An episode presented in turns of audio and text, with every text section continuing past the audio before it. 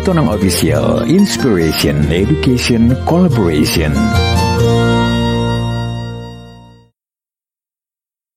Menyambut pemberitaan firman Tuhan yang akan dibawakan oleh Bapak Pendeta Emeritus Jan S. Aritonang, kita bernyanyi dari PKJ nomor 198 ayat 1 sampai 3.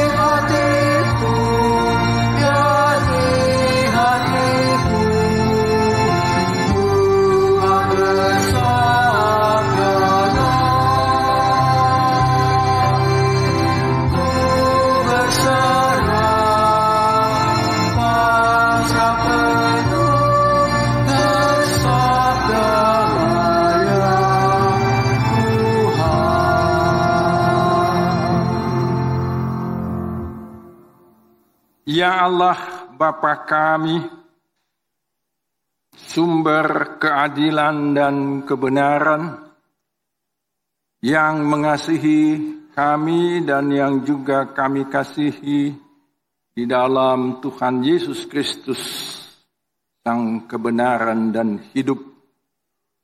Di dalam rasa syukur kami atas hidup yang masih Tuhan karuniakan dan percayakan kepada kami, maupun juga atas kesempatan bersekutu dan beribadah, menikmati pelayanan Tuhan pada hari yang Tuhan kuduskan ini di rumah Tuhan ini.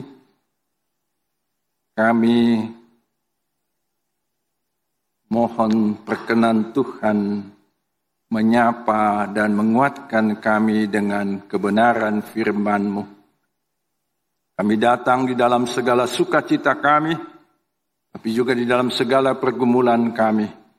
Biarlah di tengah-tengah semua itu, kami juga mengalami kehadiran dan penguatan Tuhan. Di dalam Tuhan Yesus Kristus dan Roh Kudus. Amin.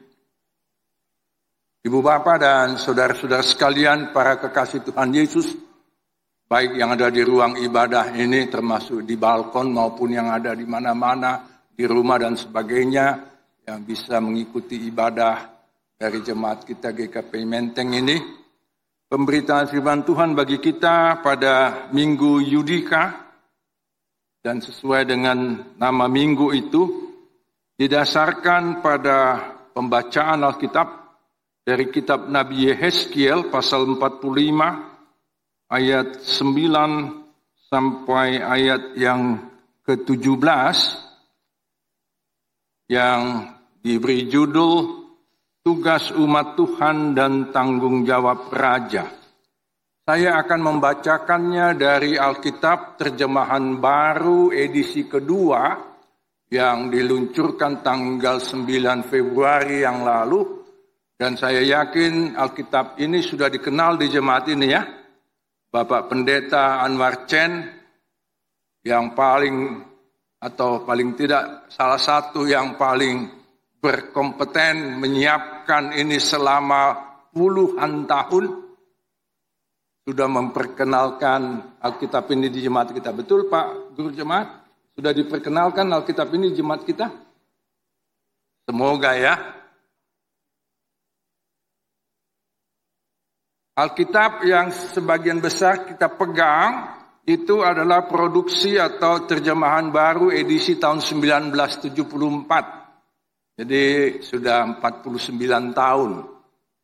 Maka terbitlah bulan Februari yang lalu edisi kedua yang di sana sini memperlihatkan kebaruan sesuai dengan perkembangan penelitian terhadap naskah-naskah Alkitab kuno maupun juga perkembangan bahasa Indonesia. Jadi kalau nanti saya membaca di sana sini Bapak Ibu Saudara-saudara mengikuti juga di Alkitab Anda masing-masing ada perbedaan harap maklum. Begini tertulis. Beginilah firman Tuhan Allah, cukup sudah, hai raja-raja Israel, Jauhkanlah kekerasan dan penindasan, tetapi lakukanlah keadilan dan kebenaran. Berhentilah merampas tanah milik umatku, demikianlah firman Tuhan Allah. Neraca yang benar, Eva yang benar, dan bat yang benar harus ada padamu. Eva dan bat harus sama ukurannya, sehingga satu bat isinya sepersepuluh homer dan satu eva juga sepersepuluh homer. Jadi ukuran itu harus ditentukan menurut homer. Satu shikal harus sama dengan 20 gera. 20 shikal tambah 25 shikal tambah 15 shikal adalah satu mina. Inilah persembahan khusus yang harus kamu persembahkan. Seperenam eva dari sehomer gandum dan seperenam eva dari sehomer jelai. Untuk minyak ketetapannya ialah sepersepuluh bat dari satu kor. Satu kor sama dengan sepuluh bat. Juga seekor anak domba dari setiap kawanan dua ratus ekor dari padang yang diairi dengan baik di Israel Semuanya itu untuk kurban sajian, kurban bakaran, dan kurban keselamatan untuk mengadakan pendamaian bagi mereka. Demikianlah firman Tuhan Allah. Seluruh penduduk negeri harus memberikan persembahan khusus kepada raja di Israel. Rajalah yang bertanggung jawab atas kurban bakaran, kurban sajian, kurban curahan pada hari raya, bulan baru, dan hari sabat di setiap perayaan kaum Israel. Dialah yang akan menyediakan kurban penghapus dosa, kurban sajian, kurban bakaran, dan kurban keselamatan untuk mengadakan pendamaian bagi kaum Israel. Demikian pembacaan Alkitab. Ibu bapak dan saudara-saudara sekalian, ketika Anda mendengar istilah atau ukuran atau timbangan yang tadi kita baca ini, ada Eva, Bat, Homer, Sikal, Gera, Mina, Kor. Apakah Bapak Ibu dan saudara-saudara mengerti, mengenalnya, apalagi memakainya? Saya yakin, kalaupun tidak semua, sebagian besar dari kita tidak. Tapi kalau kita bicara misalnya, satu kilogram beras di Indonesia sekarang kira-kira 12 ribu rupiah. Nah kita pasti mengerti di kampung kami dulu ukuran untuk beras takar, sulut, belek. Kawan-kawan pemuda masih tahu itu. Jadi nu yang dahanon satakar. Yang adong bena mangatusi. Satu liter pertalite sepuluh ribu. Semua kita mengerti ya. Minyak kita satu liter empat belas ribu tiga ratus begitu. Satu kilogram emas murni 24 karat plus. Sama dengan satu miliar 63 juta rupiah. Betul ibu-ibu? Sebab ibu yang paling paham itu. Atau mungkin sudah naik lagi harganya di bulan puasa ini, entahlah. Saya sendiri terus terang ketika membaca teks ini dengan segala macam istilah menyangkut neraca, ukuran, timbangan, dan sebagainya, tidak selalu bisa mengertinya dengan cepat dan baik. Apalagi ketika dilengkapi lagi dengan macam-macam jenis kurban persembahan. Ini tentu terjadi atau dikenal atau dipakai atau diberlakukan di tengah-tengah bangsa Israel pada masa lalu. Lebih dari 2500 tahun yang lalu, bahkan lebih tepat ditujukan kepada sebagian besar umat Israel yang sedang mengalami masa pembuangan di Babilonia. Sekarang itu Irak. Kita sedikit banyak tahu ya cerita kenapa bangsa Israel terbuang ke sana. Dan mereka ke sana itu tentu bukan naik Emirat Air atau naik bus, jalan kaki. Tidak semua, hanya yang muda-muda dan yang kuat-kuat, opung-opung seperti saya ini ditinggalkan itu. Tapi Justru kepada mereka itu yang di pembuangan itu Tuhan melalui Nabi Yehezkiel mengingatkan kamu ada di negeri orang ini karena dosamu, karena kesalahanmu, karena kecuranganmu. Terutama para raja, tapi ya menular juga itu kepada masyarakat. Nah, supaya kamu nanti bisa kembali ke negerimu menjadi bangsa yang merdeka dan berdaulat, tegakkanlah kebenaran dan keadilan, jangan melakukan penindasan dan kekerasan, gunakanlah ukuran-ukuran dan timbangan-timbangan yang benar. Pendek kata, berlakukanlah kejujuran. Itulah hal yang pertama yang hendak disampaikan termasuk kepada kita melalui firman Tuhan hari ini. Jadi Bapak Ibu dan Saudara-saudara tidak usah pusing dengan segala macam ukuran-ukuran yang tadi tidak kita kenal. Itu untuk mereka lah itu pada masa lalu. Tapi intinya tadi kita sudah lihat. Dan hal yang kedua yang hendak diperlihatkan di sini adalah bahwa Tuhan itu tidak hanya berurusan dengan hal-hal yang rohani, beribadah, membaca kitab suci, bernyanyi, berdoa, memberi persembahan, tapi juga berurusan dengan bisnis, berurusan dengan pekerjaan sehari-hari, termasuklah perdagangan, jual beli dan seterusnya. Seringkali kita menganggap urusan dengan Tuhan itu hanya urusan martangiang atau urusan pertondion. Padahal Tuhan juga berurusan dengan hal-hal yang menyangkut kehidupan sehari-hari, termasuklah penegakan keadilan dan kebenaran serta kejujuran di dalam segala bidang kehidupan itu.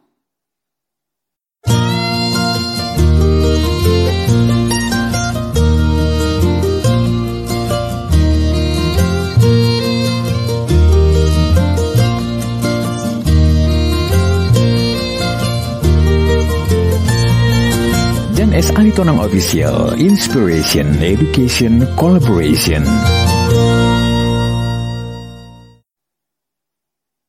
Ada di antara Bapak Ibu, saudara-saudara yang sudah pernah ke Cina atau Tiongkok.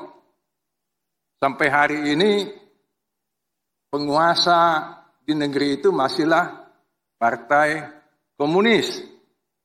Presidennya yang top sekarang Xi Jinping juga adalah tokoh partai komunis.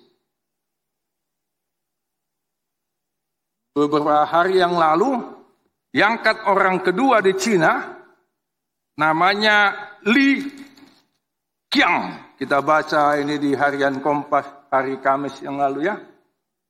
Perdana Menteri Li Qiang, dia juga tokoh Partai Komunis. Tetapi kita tahu bahwa Cina adalah salah satu negara yang paling kaya sekarang. Banyak orang-orang kaya di sana. Di antara 3.100 sekian orang super kaya di dunia ini, hampir seribu orang itu ada di Cina. Dan di antara negeri Cina yang penduduknya sekitar satu setengah miliar itu, ada dua provinsi yang paling kaya, yaitu Provinsi Shanghai dan Provinsi Zhejiang. Susah membacanya ini. Nah, Bapak Ibu nggak usah hafal nama-nama provinsi ini, tapi saya anjurkan kapan-kapan pergilah ke Provinsi Zhejiang ini yang ibu kotanya adalah Wenzhou. Jadi nggak usah hanya berminat ke Israel Holy Land segala macam. Sebab sekarang di Wenzhou ada Holy Land baru. China New Jerusalem. Wah, bukan main. Padahal ini di negara komunis ya. Sebagian besar penduduk kota yang sangat modern dan kaya itu adalah orang Kristen. Kalau Bapak Ibu ke sana, akan menemukan banyak gedung gereja dan beberapa di antaranya berkapasitas puluhan ribu orang. Di sana terbentuklah sebuah gereja yang namanya Wenzhou Church kalau dalam bahasa Inggris, gereja Wenzhou. Dan anggota-anggotanya yang tentu anggota gereja tentu orang Kristen ya, walaupun dikuasai komunis. Umumnya orang-orang kaya, pengusaha, ataupun ahli IT. Lalu ini juga mendorong banyak orang Cina atau Tionghoa menjadi Kristen. Bapak Ibu tahu di antara penduduk Indonesia sekarang 280 juta menurut statistik BPS yang Kristen 10 persen, 28 juta. Katakanlah dibesar-besarkan jadi 30 atau lebih sedikit. Di Cina sekarang orang Kristen lebih dari 100 juta. Jadi sudah empat kali lipat dibandingkan dengan di Indonesia. Perkembangan kekristenan di sana luar biasa hebat. Dan Mereka juga pintar, walaupun penguasanya komunis, mereka bisa mendapat IMB untuk mendirikan gedung-gedung gereja yang hebat. Saya kurang tahu apakah ini lewat jalan yang lurus atau ada muslihatnya juga. Tapi mereka katakan, kami ini kaya bukan karena kami berbisnis curang. Justru kami sangat menjunjung tinggi kejujuran tentu juga kecerdasan dalam usaha kami, industri kami, perdagangan kami, dan seterusnya. Nanti Bapak Ibu atau sambil mendengar khotbah ini, coba cek di Google Map kalian, akan ketemu kota Wenzo ya. Lalu cek Wenzo Church, akan ketemu juga. Cek China's New Jerusalem, ketemu juga. Karena memang mereka mengekspos ini dengan sangat intensif. Bagi mereka, Yerusalem baru yang dinubuatkan dalam kitab Wahyu 21 itu sudah menjadi kenyataan di Wenzel. Nah dari situ terlihat bahwa sebagian besar orang Kristen, pengusaha besar di kota itu adalah penganut teologi kemakmuran, theology of prosperity atau gospel of prosperity. Ini saudara kembarnya teologi sukses. Gereja kita tidak menganut itu. Sebab gereja kita bersama dengan banyak gereja di dunia ini melihat ini kekristenan dengan teologi kemakmuran dan teologi suksesnya ini terlalu mendewakan kekayaan, materi. Tetapi sekali lagi mereka katakan, Tuhan memberkati hidup kami karena kami bekerja dengan keras, dengan cerdas, dan juga dengan jujur. Pendek kata, clean and honest. Nah, bagaimana dengan kita di Indonesia? Apakah kita juga termasuk bangsa dan negara yang clean and honest? Patut kita akui dan syukuri di antara sekian banyak pengusaha di berbagai bidang, banyak orang Kristen dan masih banyak yang menjalankan usahanya dengan jujur dan terbuka. Dulu di GKPI saya ingat ada lumayan banyak pengusaha ya. Samping pejabat tinggi termasuk di jemaat ini. Masih ada ya? Banyak pengusaha di jemaat ini. Mudah-mudahan yang jujur juga ya. Tetapi di sisi lain, terutama dalam bulan-bulan terakhir ini, kita sedih melihat betapa banyaknya kasus kejahatan, di bidang usaha dan perdagangan, juga di bidang penggunaan kekuasaan, termasuk di lingkungan kepolisian, kementerian keuangan, dan sebagainya. Kita tiap hari membaca bahwa para pejabat pemerintah sendiri mengakui bahwa sejak tahun 2009 sampai 2022 ada money laundering atau pencucian uang sekitar atau minimal 349 triliun rupiah. Dan banyak di antara kekayaan itu yang didapat dari cara yang ajaib lalu dipamerkan termasuk oleh istri dan anak-anak ya. Saya yakin itu tidak terjadi di jemaat kita. Tapi kita tahu Sebagian dari mereka itu kawan-kawan kita orang Kristen. Lalu bagaimana kita melihat semua ini? Ini menjadi satu tantangan sekarang bagi kita orang Kristen di negeri ini yang mestinya menjadi teladan dalam hal keadilan, kebenaran, kejujuran dan sebagainya. Di harian Kompas Digital 27 Februari yang lalu, saya menulis sebuah atau mengirimkan dan dimuat tulisan saya yang sangat sederhana dengan judul Kejujuran Masihkah Relevan dan Bermakna.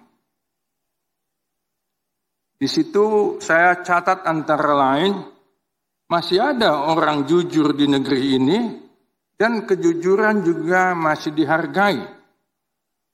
Dan kita juga tahu banyak sekali tidak hanya di kepolisian di segala bidang termasuk juga di lingkungan gereja banyak kebohongan banyak korupsi pendek cerita di banyak tempat semoga tidak di jemaat kita ini kejujuran kurang dihargai. Di akhir tulisan pendek itu saya ingatkan agar kita menggunakan conscience, hati nurani. Tapi bukan sembarangan hati nurani, ada macam-macam hati nurani. Ada hati nurani yang kuat dan sehat, ada hati nurani yang lemah, ada juga hati nurani yang gosong, yang hangus. Kiranya kita semua memiliki hati nurani yang sehat. Tidak hanya kita di jemaat ini, tapi juga seluruh bangsa kita. Karena melalui hati nurani itulah Tuhan bersuara kepada kita. Menyampaikan apa yang harus kita kerjakan di tengah kehidupan kita sehingga kejujuran masih relevan dan bermakna. Ibu bapak dan saudara sekalian, kita hidup di dunia yang penuh dengan kecurangan dan kekerasan, penindasan dan kepalsuan. Kita juga memang menghadapi atau menikmati macam-macam kemajuan, termasuk artificial intelligence, yang sekarang sudah sampai ke tahap berapa kawan-kawan muda? Lebih tahu itu ya, GPT, Chat GPT versi 4.0, mungkin sekarang sudah entah versi apa itu mau mengerjakan tugas, menulis makalah, skripsi, disertasi, tinggal pencet saja, jadilah dia dengan segala kelengkapannya. Mau menulis surat rayuan kepada pacar, pencet saja. Banyak sekali yang bisa diproduksi oleh program-program artificial intelligence ini yang memang hebat dan kita mungkin suka, tapi juga di dalamnya banyak kepalsuan dan penipuan. Kiranya kita semua berlandaskan firman Tuhan hari ini menjadi bagian dari komunitas yang masih menjunjung tinggi kejujuran, kebenaran dan keadilan di tengah-tengah kehidupan kita. Kiranya kita menjadi bagian dari warga masyarakat dan umat Tuhan yang hidup dan berlaku jujur, adil, dan benar. Amin. Terima kasih Tuhan untuk peringatanmu kepada umatmu di Israel ribuan tahun yang lalu, tapi yang juga Tuhan sampaikan sekarang kepada kami. Tolonglah kami ya Tuhan, sebagai anak-anak Tuhan menjadi pelopor ataupun contoh yang baik di negeri kami ini. Sehingga kehadiran gerejamu, kehadiran umatmu, kehadiran kami bermakna dan masih relevan di negeri ini bahkan di dunia ini. Berkatilah firmanmu dan berkatilah kami memperlakukannya dalam kehidupan kami. Amin kami memberikan kesempatan kepada paduan suara Sola Gracia untuk menyampaikan kesaksian pujian.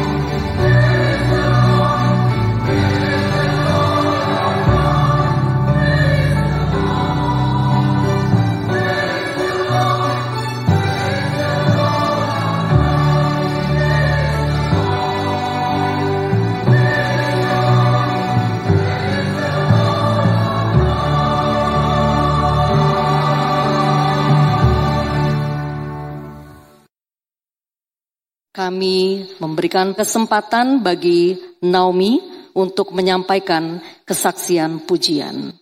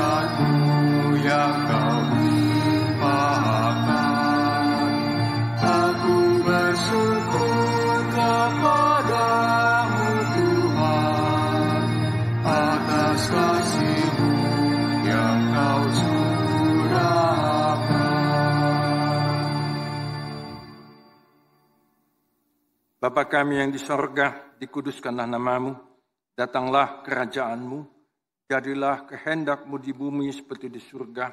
Berilah kami pada hari ini makanan kami yang secukupnya, dan ampunilah kami akan kesalahan kami, seperti kami juga mengampuni orang yang bersalah pada kami. Dan janganlah membawa kami ke dalam pencobaan, melainkan lepaskanlah kami dari yang jahat.